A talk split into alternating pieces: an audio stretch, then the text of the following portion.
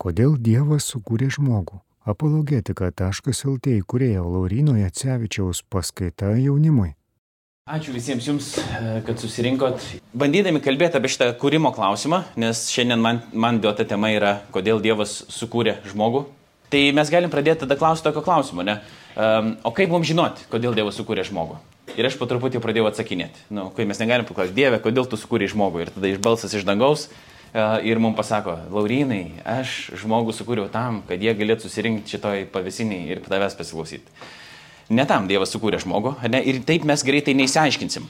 Ir jeigu vienam Dievas prabyla kažkaip, arba jam atrodo, kad Dievas prabyla, o kitam sako visiškai priešingą dalyką, kaip mums reikia patikrinti. Kad tam kalbėjo, o tam pavyzdžiui nekalbėjo. Dievas kalba, bet yra žmonių, kurie nebūtinai teisingai supranta. Ne? Arba gali būti pavyzdžiui, pavalgy galbūt ne to ko nors ir uh, išgirsta irgi tarsi Dievą kalbant. Tai dėl to mes žiūrim į Dievo žodį, Biblija dėl to vadinasi Dievo žodis, kad jinai yra mums Dievo palikta, bet ne taip iš dangaus nukritusi.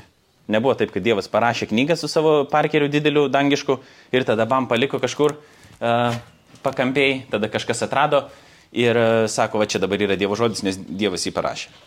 Žymiai yra sudėtingesnis, kompleksiškesnis procesas. Biblija rašė žmonės, Bet toksai teologinis aiškinimas yra, kad jie rašė Dievo įkvėpti. Tiksliau, tas tekstas yra Dievo įkvėptas. Um, dabar ką tas reiškia irgi, kad nu, žmonės nebuvo nei robotai, nei dar kažkas, kai jie rašė tą tekstą, bet Dievas kažkokiu būdu mums iki galo nesuprantamu uh, panorėjo, kad mes turėtumėm literatūros rinkinį kaip uh, vieną iš priemonių, pagrindinių priemonių jo pažinimui.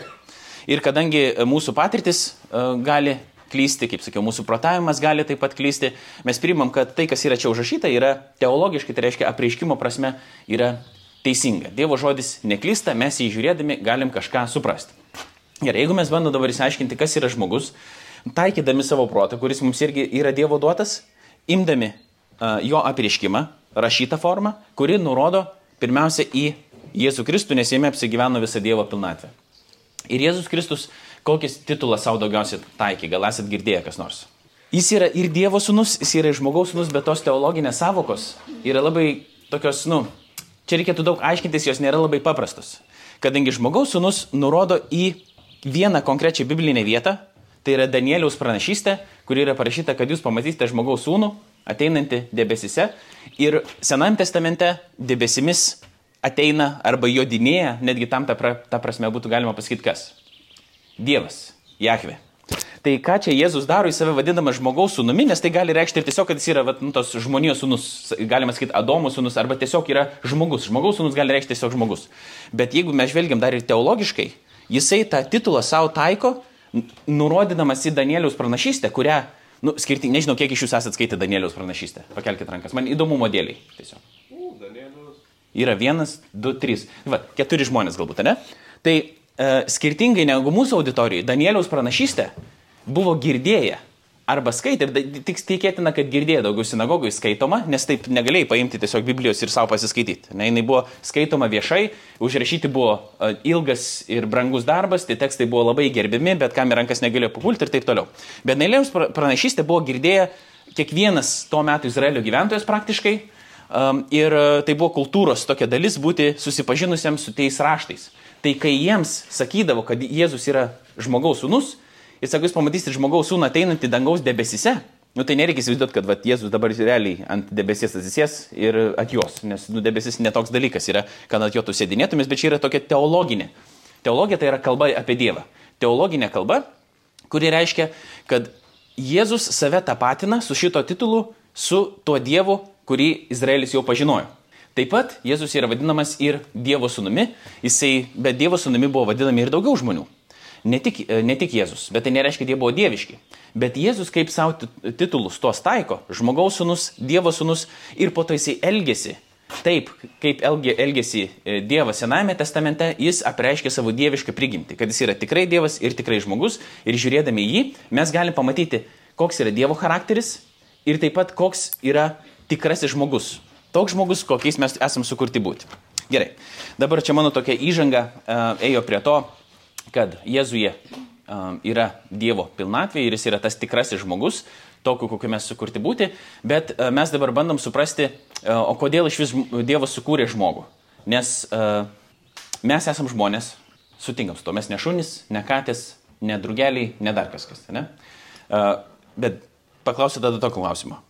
O kas mus atskiria nuo drugelių, kačių, šunų ir panašių dalykų? Mhm. Intelektas. Gerai. Vienas dalykas. Ne? Intelektas. Reiškia, mes gebam protauti. Bet kartu svarstom. Dar, dar aš priimsiu tos atsakymus. Siela. Mhm. Siela. Kas dar? Biologija. Paaiškinkit, prašau. Nu, biologija, sudėtis. Mhm. Nu, gerai, fizinė sandara, vadinkim taip, ne, paprašiau, kaip yra sudėti. Žmonės, gerai, jeigu intelektas vien tik padaro žmogų žmogumi, ką daryti, pavyzdžiui, su tais, kurie turi psichikos sutrikimų, ne psichikos, bet intelekto e, sutrikimų arba raidos sutrikimų, kurie intelektu, pavyzdžiui, nepasižymi labai aukštų. Ir gali būti skaičiuojama, pavyzdžiui, kad jų intelektas ir protavimo lygis atitinka kai kurių gyvūnų įsivyšiusių lygį. Ar tas, ar tas tada žmogus nėra žmogus? Aš sakau žmogus, bet tada kas tas žmogus, kas tas dalykas yra? Ne? Kaip mes atskiriam? Ar vien tik tais pagal irgi fizinės savybės? Gerai, jeigu žmogui trūksta kokio nors, pavyzdžiui, rankos, kojos trūksta, jisai nėra kaip visi kiti žmonės. Nu, didžioji dalis žmonių, ne? Ar tada jis jau yra nebe žmogus? Siela, kitas dalykas, ne? E, Kas yra siela? Klausimas. Kaip jūs apibrieštumėt tą dalyką, kas yra siela? Ir ar gyvūnai neturi sielos? mhm. sakė, Mama sakė, kad ne, kažkas sako, kad turi. Gerai. E, Gal žinot apibrėžimą sielos? Kas tai yra per dalykas? Mhm. Nu, Prie ko mes einam, kad yra daug visokių dalykų, kuriuos mes di- girdim kiekvieną dieną, bet kai daug jų neapmastai, tai net nelabai žinai, ką tas reiškia. Man, man atrodo, Augustinas yra pasakęs, Aurelius Augustinas, šventas Augustinas, mąstytojas, ankstyvų, ankstyvasis krikščionių, kad sako, kol manęs nie, e, nieks neklausia, aš žinau, kas laikas yra. Bet kai manęs paklausia, žalio supratimo neturiu. Ne? Tai mes kai kurios dalykus, pavyzdžiui, visiems yra savame suprantama, kad kas yra žmogus atrodytų.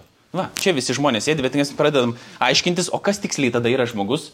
Žiūrėjau, kad sudėtinga mums yra pasakyti, kas tiksliai žmogų padaro žmogumi. Bet jūsų atsakymai jie nėra visiškai neteisingi.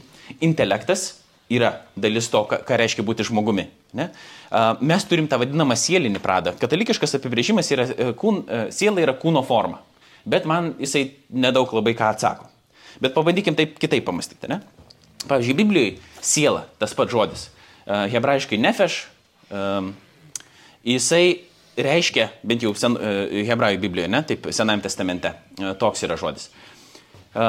Siela pati, jinai nėra kažkoks nematerialus pradas, kuris skrenda būti pas Dievą po mūsų mirties.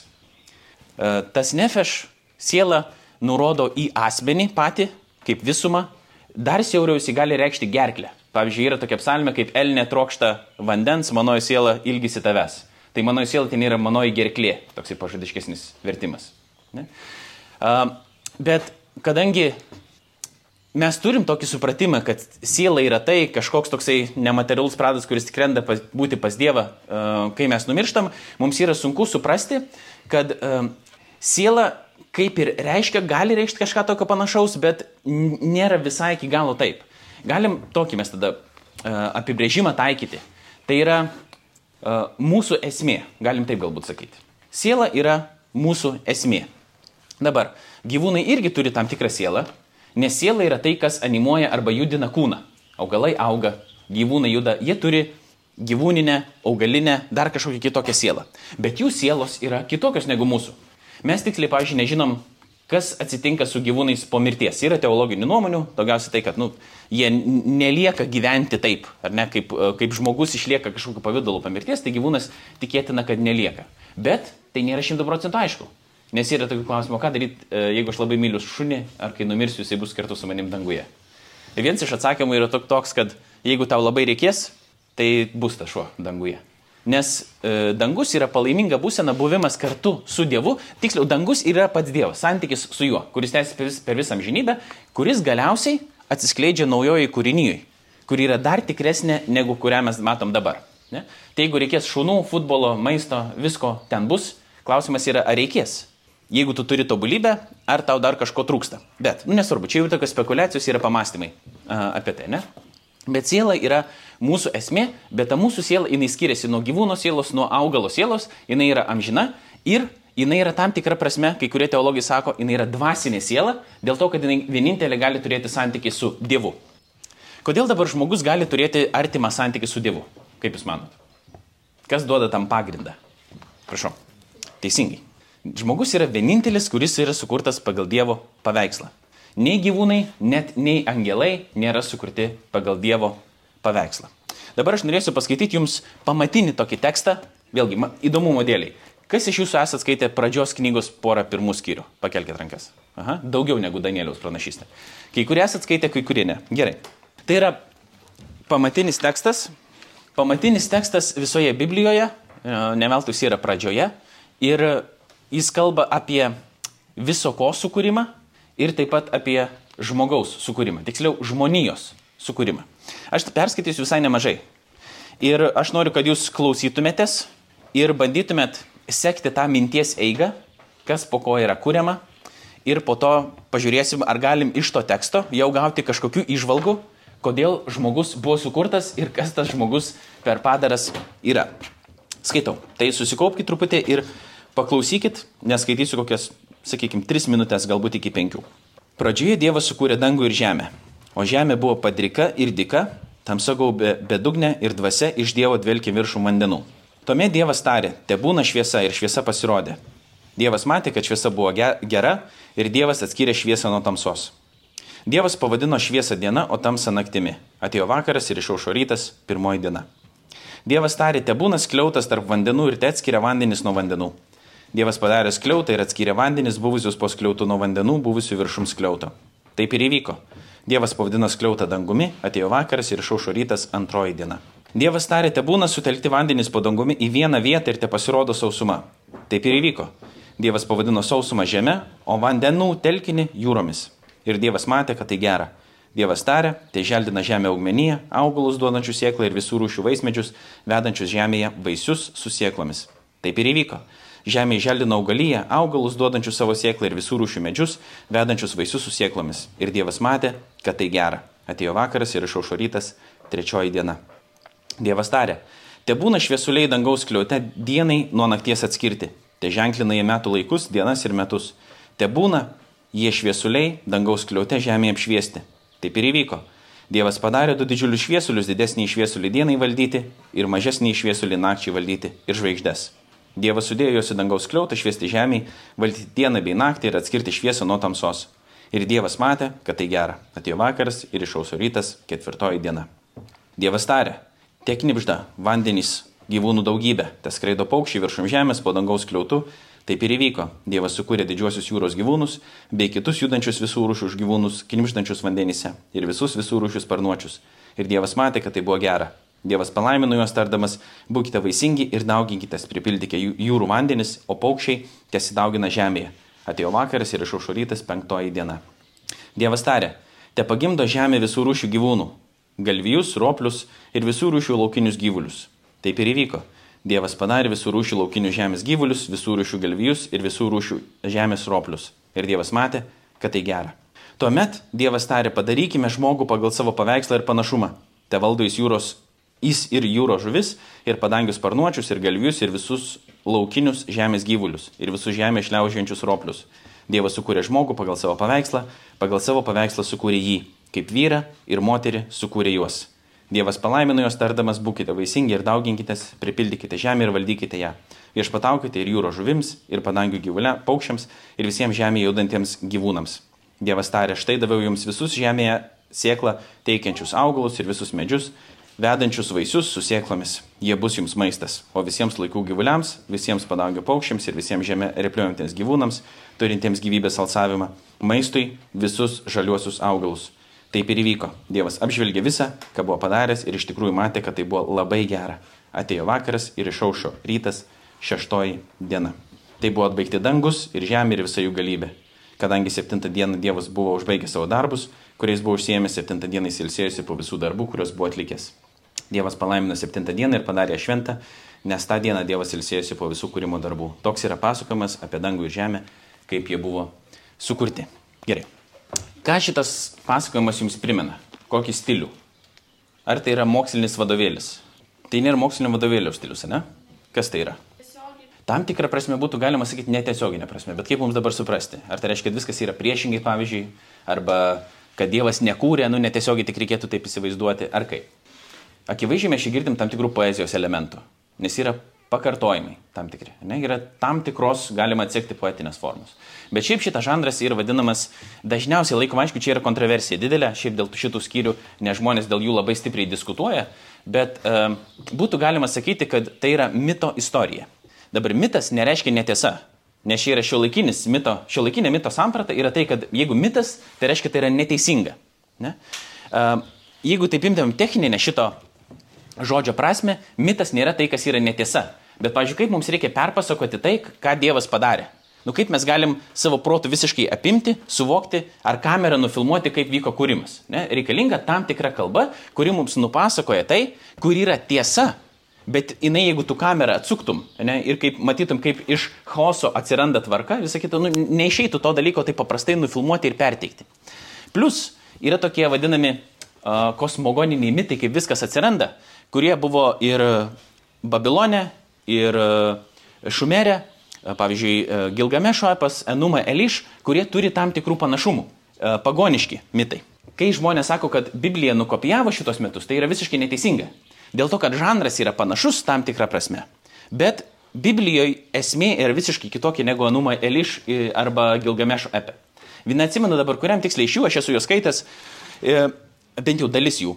E, nes man teko studijuoti religijos studijas ir viena iš paskaitų buvo religijų istorija ir mes kalbėjome apie tas religijas ir dėl to teko susipažinti su tais mitais. Ne? Bet kadangi tai buvo prieš jau keletą metų, kokius šešerius, tai tiksliai visko neatsimenu, galiu šiek tiek primiršti. Bet vienas iš momentų buvo, kad kažkuriam iš tų mitų e, Dievas kuria e, žmonės kaip vergus savo, kaip tarnus, kaip pagalbininkus. E, ne kaip pagalbininkus, bet tai, kurie darytų darbus už jį. Ar panašu iš šito teksto, kad biblinis Dievas kažkaip taip kuria žmogų? Nepanašu. Ne?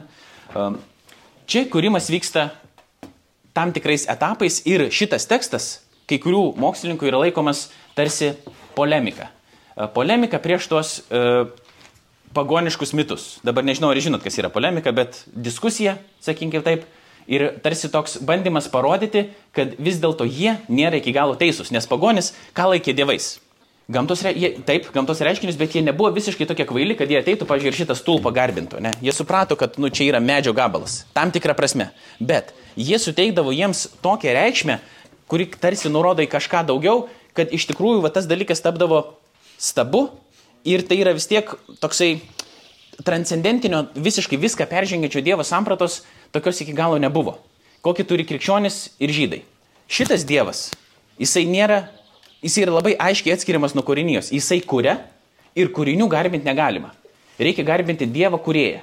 Ir čia yra va, ta polemika, ta diskusija, tokia parodymą tiems, sakykime, pagoniškiams mitams, kad kūriniai nėra garbintini. Vienintelis viso ko kuriejas Dievas, jis, jis viską sukūrė, jisai yra tas, kuriam priklauso visa šlovė ir garbė. Kūrinio garbinti negalima. Tai čia vat yra tokia, viena iš minčių šito teksto. Pagrindinė mintis yra parodyti, kad Dievui viskas priklauso ir jis yra vertas viso šlovės. Dabar kaip Dievas kuria? Kokiu būdu Dievas kuria? Jeigu klausytės, turėjot pagauti. Prieš kiekvieną kūrimo veiksmą, kas, kas yra parašyta? Padarė, bet ne visai padarė. Prieš kiekvieną kūrimo veiksmą yra pora žodžių ir tada yra kūrimo veiksmas. Čia yra po kūrimo. Kai jis kažką sukuria, teisingai, yra pasikartojantis žodis, mes dar prie to priešim, kad tai yra gera. Ne? Dievas tarė. Visada prieš kiekvieną kūrimo veiksmą yra Dievas tarė. Jisai sako ir dalykai atsiranda. Jam nereikia makaluoti su savo rankomis kažką ten lipdyti prieš tai buvusio. Dievas kuria savo žodžiu. Jis tarė, jisai kalba kūrinyje į būti. Dabar uh, graikiškas toks žodis, galbūt esat girdėję, yra logos, kuris gali reikšti ir kalba, uh, ir gali reikšti tam tikras protas ir tvarka, jis turi daug skirtingų reikšmių. Jono Evangelijoje yra parašyti tokie žodžiai kad pradžioje buvo žodis ir tas žodis buvo pas Dievą ir tas žodis buvo Dievas. Gal žinote, apie ką čia eina kalba? Kas yra tas žodis, kuris buvo pas Dievą ir kuris buvo Dievas? Jėzus, teisingai.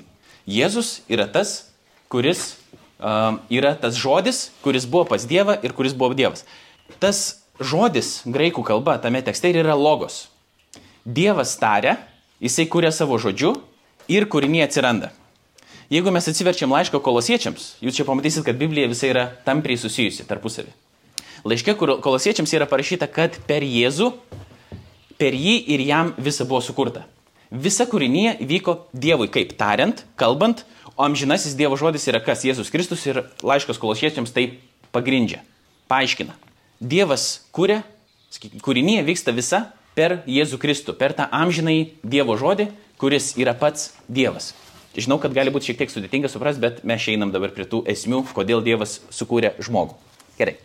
Viskas yra sukurta per Jėzų ir jam. Jėzus yra Dievas, jisai yra vienybėje su tėvu ir šventąją dvasia.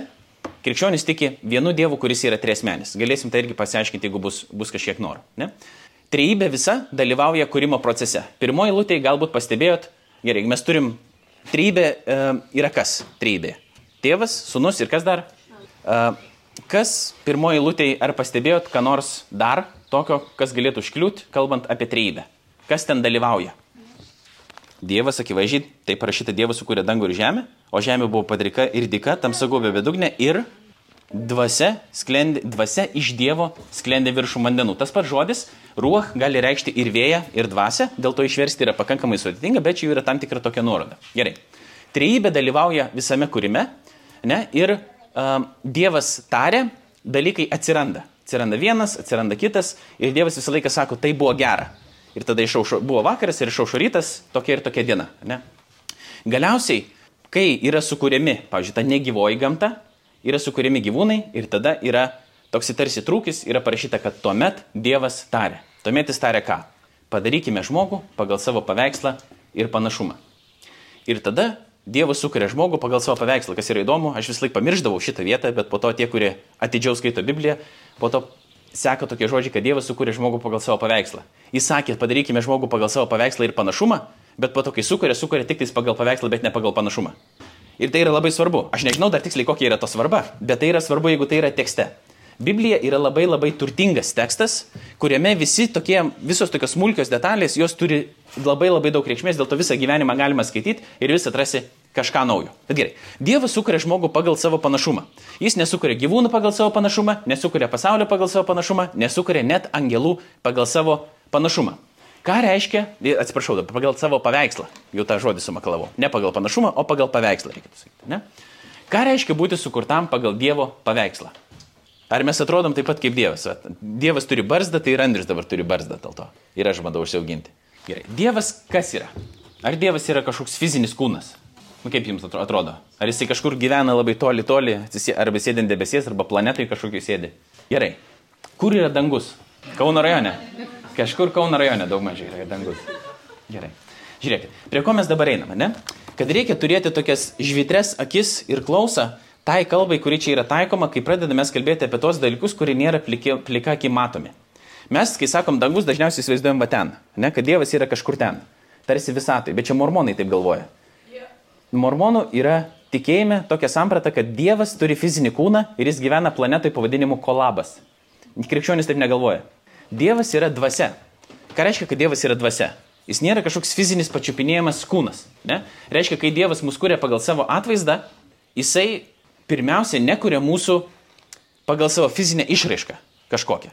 Nes Dievas priėmė fizinį kūną. Taip. Kada? Kokiam aplinkybėm tai vyko? Jėzus. Kai Jėzus gimė. Jėzuje Dievas priėmė fizinį kūną. Taip pat Sename testamente yra tokia nemažai tokių istorijų, vadinamų iki inkarnacinių, iki įsikūnymo istorijų, kur Dievas pasirodo. Kokiais, gal esate girdėję Sename testamente būdas, būdais Dievas pasirodo? Ugnimi. Jo. Ugnies tulpė, debesies tulpė jis veda izraeliečius, ne į priekį. Bet ar Dievas yra ugnis? Tam tikrą prasme taip yra parašyta, Dievas yra ryjanti ugnis. Bet kas yra? Ar jis yra realiai vat laužas? Nu, nelaužas jis yra, ne? Bet jis yra tam tikrą prasme labai tikra ugnis, kuri degina. Nes ugnis tyrina, ugnis valo, ne? Ugnis yra karšta. Po to Dievas dažnai pasirodo debesyje, šlovės debesyje. Ne? Iš šlovės debesis, pavyzdžiui, pridengia kalną ir ant kalno Mozė sustinka su Dievu. Ir yra taip pat parašyta, jeigu pamatysi Dievą veidas veidą, tai numirsi. Dabar, kur susitikimai įvykdavo su Dievu? Irgi gal esat girdėję, nežinau, senajam, e, senajam testamente ir aš jau ką tik paminėjau šitą variantą. Kur tai vyksta dažnai? Ant kalno. Gerai. Ar tik ant kalno su Dievu galima susitikti? Nu ne tik, ne? Bet tai yra labai tokia stipri simbolinė vieta, ten, kur įvyksta susitikimai su Dievu. Dabar uh, galutinis ir esminis susitikimas žmogaus su Dievu įvyksta per Jėzų Kristų. Ne? Jėzuje Kristuje Dievas įsikūnija jis tampa žmogumi ir vyksta su juo susitikimas. Po to Jėzus Kristus, kai išeina, ką jisai atsiunčia šventąją dvasę. Ne? Tai trejybė visa dalyvauja, sakykime, tame ir žmogaus išgelbėjimo darbe, ir žmogaus supažindinimo su Dievu. Tai yra su pačiu savimi. Bet mes einam prie to dabar momento, kad sukurti, mes esame sukurti pagal Dievo paveikslą. Gal jūs žinot, kokia užduotis iš to, ką mes skaitėm, irgi gal, e, galbūt pastebėjot ir apskritai galbūt žinot, kokios užduotis yra duodamos žmonijai, kai žmonija yra sukūriama. Nes yra sukūriama žmonija ir tada parašyta kaip vyras ir moteris. Ne? Sukūriama žmonija ir tada yra sukūriama kaip vyras ir moteris. Ir kokia užduotis yra duota žmonijai? Gerai, valdytų. Valdytų ką?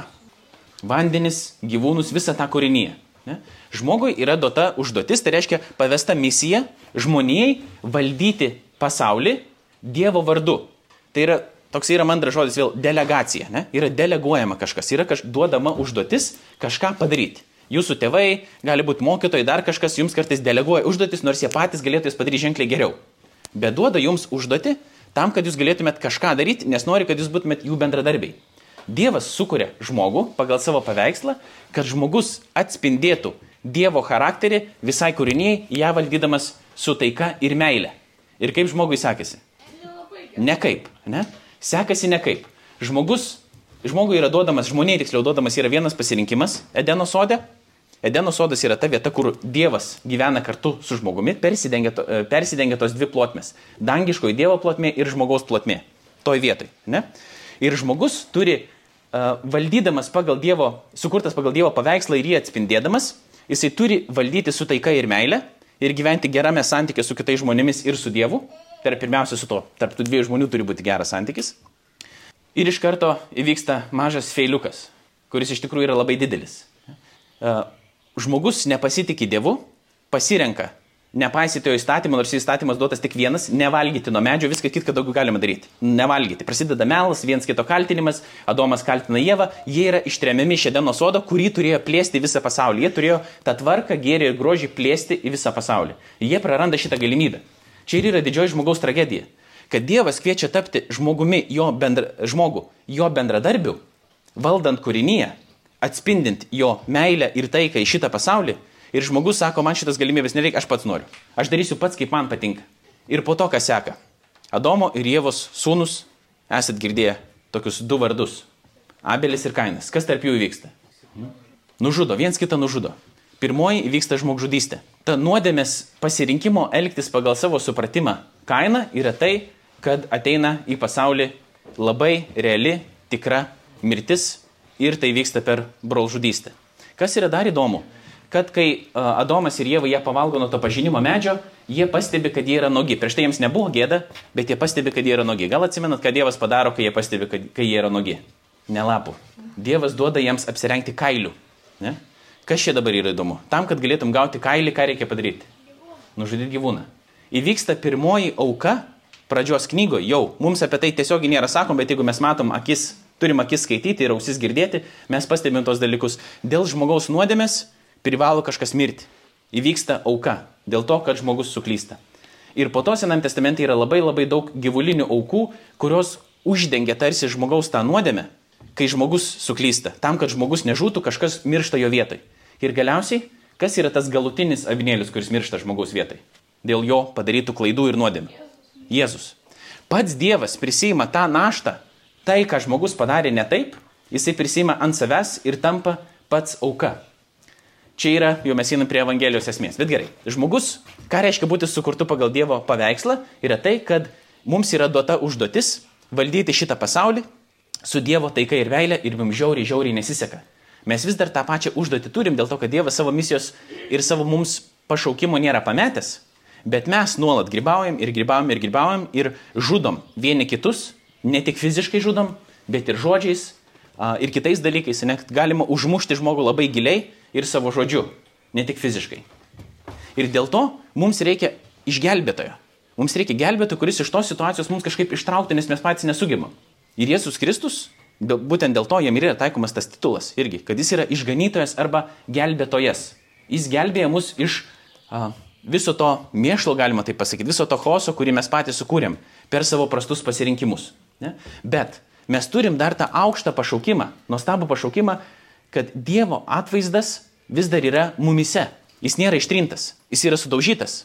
Bet mes vis dar tokius, nu, sugebam padaryti kažką tokio, kas atitiktų Dievo valią ir Dievo charakterį, nebe jo pagalbos, jis mumise veikia, bet vis tiek mes galim pastebėti, kad kažkas tikrai gero įvyko, ne kažkokia meilė yra, dar kažkas, tuos dalykus mes galim pastebėti ir atpažinti dėl to, kad tas Dievo atvaizdas dar pas mus yra, jis yra taip, nu, ap, labai stipriai sumurzintas, suskaldytas ir mes negalim jo patys nuvalyti.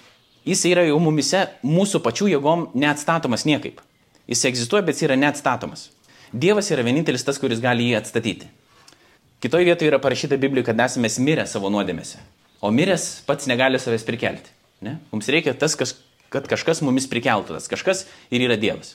Dabar kit, kitas, kitas momentas yra, ką reiškia būti sukurtam pagal Dievo paveikslą, be to pašaukimo. Nes yra duotas mums pašaukimas, nei delfinai, nei angelai, nei katės, nei dar kažkas, nei tarakonai, nie, nieks neturi tokio pašaukimo, kaip turi žmogus.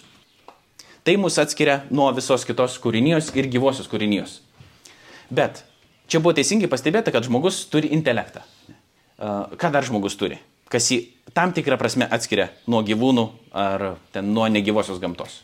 Bažnyčias turi, gerai, turi, ge, žmogus yra garbinantis subjektas, galima taip pasakyti. Žmogus negeba negarbinti. Teisingai, ne? Žmogus garbina. Koks dar yra žmogus? Žmogus gali pasirinkti. Ne? Jis turi tam tikrą prasme laisvą valią. Mes kačių į kalėjimą nesodinam už tai, kad pelė užmuša. Bet žmogų galima nubausti. Bausmė, jeigu jisai žiauriai katę sudrasko, pavyzdžiui. Ne? Galima. Kodėl? Dėl to, kad žmogus yra moralinis agentas. O gyvūnai nėra moraliniai agentai. Tai reiškia, kad už jų pasirinkimus nu, gali užmigdyti šunį, pavyzdžiui, jeigu jisai sudrasko žmogų. Ne? Bet nelaiko kažkokio, kad va čia yra moraliai blogas šuo, kuris tai pasielgia. Nu, jis tiesiog yra šuo. Gal neišauklėtas, gal dar kažkas, ne? O žmogu, iš žmogaus mes reikalaujam kažko daugiau. Kad už žmogaus pasirinkimus jis gali būti ir pagirtas, jis gali būti papeiktas ir jis gali būti nubaustas, jeigu jis padaro pasirinkimus, kurie yra netinkami. Bet tam reikalinga yra tam tikra prasme laisva valia, bent jau gebėjimas rinktis. Mes neturim tobulai laisvos valios, nes Jūs nepasirinkot, kada jūs gimsit, kur jūs gimsit, kokioje šalyje. Mes esame apriboti savo kūno, skraidyti negalim, pavyzdžiui. Galima bandyti, bet nerekomenduoju. Greitai išsiaiškinsit, kad nelabai tai veikia. Mes esame apriboti daugeliu aspektų, bet mes vis tiek turim pakankamai laisvos valios, kad mūsų pasirinkimai būtų prasmingi. Mes gebam kalbėti. Gyvūnai tam tikras komunikacinės priemonės irgi turi, bet taip save reikšti, tokiam abstrakcijom, kalbėti ir suprasti, ką mes sakom viens kitam. Ne? Žmogus tai turi, tam aišku reikalingas ir intelektas. Žmogus geba mylėti. Meilė yra tikras dalykas, tu jos nepačiupinėsi šiaip va taip. Mano šuo atrodo, ir kartais norėtų sakyti, kad mano šuo mane myli, bet jisai tikėtinai yra labiau prie manęs prisirišęs ir tiesiog jam yra gerai, kad aš jau rūpinuosi. Bet ten tokios tikros meilės, aš nesu tikras, ar jos yra. Nu, mes negalim ten tiksliai va, išsiaiškinti visos šuns struktūros, bet panašu, kad jos ten nėra tokios. Arba, pavyzdžiui, jeigu aš sakyčiau, kad aš myliu savo šunį taip pat, kaip aš myliu savo žmoną, ar tai būtų normalu? Sakytumėt, nenormalu. Kodėl? Dėl to, kad tarp mano šuns ir tarp mano žmonos yra skirtumas.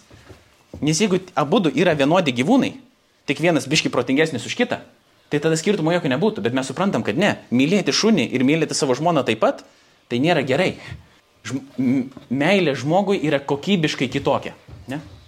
Tai mes turim tokį dvipusį dalyką, kad žmogus sukurtas pagal Dievo paveikslą, jis turi unikalų pašaukimą ir jisai pasižymi unikaliom savybėm.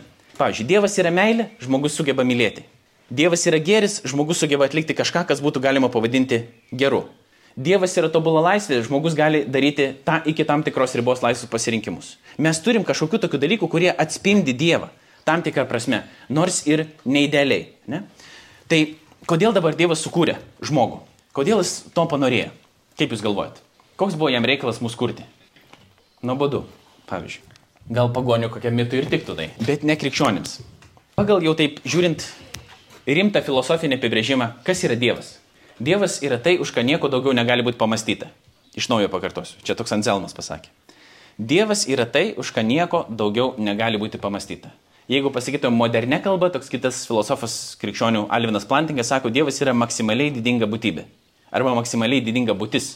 Na, nu, pavyzdžiui, jūs dabar pabandykite įsivaizduoti Dievą jums iškyla nors vaizdiniai, galbūt dėdukai, nežinau, su barzdom, gal dar kažkas, ne? Bet tada jūs pradedate galvoti, ar gali būti kažkas daugiau negu šitas, ar Dievas gali, tiksliau, ar yra kažkas, kas būtų daugiau negu šitas dėdukas. Ne? Yra. Pavyzdžiui, yra tobuliau egzistuoti, bet nebūti apribotam. Ne? Yra tobuliau. Yra tobuliau būti viso ko kuriejų, negu būti kūriniu. Tobuliau. yra tobuliau būti ne tik tobulai mylinčiam, bet būti pačia meilė, meilės standartų, tobuliau. Tai va Dievas yra galutinė tobulybė viso ko. Ne? Dėl to mes negalim jo sudėti į kažkokią, į kažkokią dėžutę. Jeigu Dievas yra tobulybė, maksimaliai didinga būtybė arba tai, iš ką nieko daugiau negali būti pagalvota, ar jiem ko nors trūksta. Ar Dievas gyvena stygiui. Nu, netrūksta. Jeigu jis yra tobulas, tobulybei nieko netrūksta. Mes nesam tobuli, mums daug ko trūksta. Valgyt norim galbūt, galbūt ten trūksta mums uh, uh, akių žvitrumo, uh, klausos, ten, ką žinau, pas mane kojos viena trumpesnė, kita ilgesnė, nakis viena mažesnė, kita, kita didesnė. Nu, tokie nesimato taip labai akivaizdžiai, bet yra šiek tiek, ne taip. Tai nesu aš tobulų proporcijų šiaip nesu tobulas žmogus, toli gražu, ne? Man, aš, man labai daug ko trūksta. Žiauriai daug ko trūksta. Tiek fiziškai, tiek uh, dvasiškai aš nesu tobulas. Dievas yra tobulas, jam nieko netrūksta. Dievas nesukūrė žmogaus dėl to, kad jam, nu, jis neturėjo ką veikti, arba, pavyzdžiui, jis neturėjo ko mylėti. Dabar pagalvokim, čia jau visiškai užbaigiam. Uh, ir trejybės doktrina į tai ateina. Tam, kad būtų meilė, ko reikia? Kad egzistuotų tikra meilė. Didesnės maldos gerai, bet pažiūrėkim fundamentalesnių lygmenių, tokių labiau pamatinių. Valentino dienos. Kaip? Kito. Gerai, kas, ir, kas yra tas kitas? Asmuo. Gerai. Ar vienas asmuo, ar vienos mens užtenka meiliai? Nu, sakoma, galima, ne, bet jeigu atsistoju aš prieš veidrodį ir sakau, kaip aš tai myliu. Biški keista, ne? Kas yra, gerai, kas yra meilės esmė? Bendravimas, kas dar? Ryšys, supratimas, artumas, empatija. Žiūrėkit, dabar jeigu jūs, uh, nesvarbu, ar esat uh, tiesiog tėvų šeimoje, turėkime omeny, ar tarp draugų, ar jeigu kad nors tuoksitės, arba kažkai esat susituokę galbūt, uh, meilė nėra vien kažkoks jausmas, ne, tai į, į tai įeina, aišku, bendrumas, ryšys, visa kita, empatija, panašus tokie dalykai, bet meilės esmė pati, kuri išlaiko santykių, tai yra sugebėjimas atiduoti save vardant kito. Savęs aukojimas vardant kito yra meilės esmė. Nesvarbu, kaip tu jautiesi. Tai tam, kad tu galėtum save kažkam atiduoti, tai tas turi būti kažkas kitas. Ir jisai turi būti asmuo. Tarp manęs ir šunio to lygaus tokio santykio negali būti. Mes esame kokybiškai skirtingos būtybės. Mes galim draugauti, dar mūsų gali būti kažkoks ryšys, kažkoks bendravimas, bet mes nesame visiškai tolygios būtybės. Kita vertus, imkim mane ir mano žmoną. Jeigu mes sakom, kad viens kitą mylim, mes turim viens kitam save atiduoti, aukotis, vardant viens kito. Ir tarp mūsų yra tam tikras santykis, kuris stiprėja tos aukos dėka, to bendravimo dėka. Dabar, jeigu Dievas yra vienas, visiškas, ne? Visiškas vienas ir visiškas vienis. Ar mes galėtum Dievą pavadinti meilę, nes Biblijoje parašyta, Dievas yra meilė. Kaip Dievas tada gali būti meilė, jeigu nėra žmonių dar? Bet mes sakėm, kad žmonių nereikia Dievui, kad jis galėtų būti tobulas. Tai kaip Dievas gali tada būti tobulas, jeigu jam nieko nereikia, bet jis yra meilė, o meilė yra įmanoma tik tarp asmenų. Bet mes esame skirtingi asmenys. Ir aš esu vienas žmogus ir vienas asmuo. Vienas žmogus, viena būtybė, bet vienas Laurinas. Dievas kažkokiu būdu yra viena būtybė Dievas, bet amžinai egzistuojantis trijose asmenyse. Jis nėra viena būtybė ir trys būtybės. Jis nėra vienas asmuo ir trys asmenys. Dievas yra viena būtybė. Dievas, tiksliau viena būtis Dievas, bet amžinai egzistuoja trijose asmenyse. Ir kas pasakė, taip negali būti? Taip gali būti. Tai nėra loginis prieštaravimas. Ir jeigu Dievas yra meilė, kitaip net negali būti. Nes yra meilė įmanoma tik tarp asmenų. Jeigu Dievas yra tobulas, tada jam nereikia mūsų kurti, bet jis mūsų kuria. Dabar mes ir prieinam prie tos jau pagrindinio momento ir per minutę tik tai tą įsiaiškinam. Kodėl tada Dievas kuria žmogų? Paklausiu kitaip. Kodėl tėvai susilaukia vaikų? Idealiu atveju. Nepradėkit čia psichologizuoti dabar, kodėl čia kas gali būti, dėl pinigų, iš, išmokų nori, ten dar kažkas prisigėrė, bet idealiu atveju. Idealiu atveju, kodėl tėvai susilaukia vaikų? Iš meilės. Gerai, meilės prigimtis yra dauginti, duoti, dalintis. Ne? Meilė gimdo. Dievas yra tobula meilė, jam nieko netrūksta, bet meilė jinai išsilieja, meilė gimdo. Dievo tobulas santykis jame pačiame, jisai gimdo. Jis, dievas kuria žmogų kaip savo paveikslą, kuris gali mylėti kitą žmogų ir kuris gali mylėti Dievą. Tai va čia pagrindinė mintis, kurią aš noriu, kad jūs įsineštumėte šiandien iš čia, yra tai, kad kiekvieno iš jūsų Dievas panorėjo, sukūrė kiekvieną iš jūsų, taip pat psalmėse yra parašyta, kiekvieną užmėsgė motinos iščiose, unikaliai. Nėra nei vieno čia esančio, kurį Dievas nebūtų norėjęs ir Dievas niekada nepadarė nei vienos klaidos. Visi čia esat Dievo valia, jo pašaukimu ir jo noru. Visa žmonija buvo sukurta iš meilės ir iš santykio, meiliai ir santykiui. Toks mano paslebizavojimas. Girdėjote apologetika.lt, kurėjo Laurino Jacevičiaus paskaitą jaunimui, kodėl Dievas sukūrė žmogų.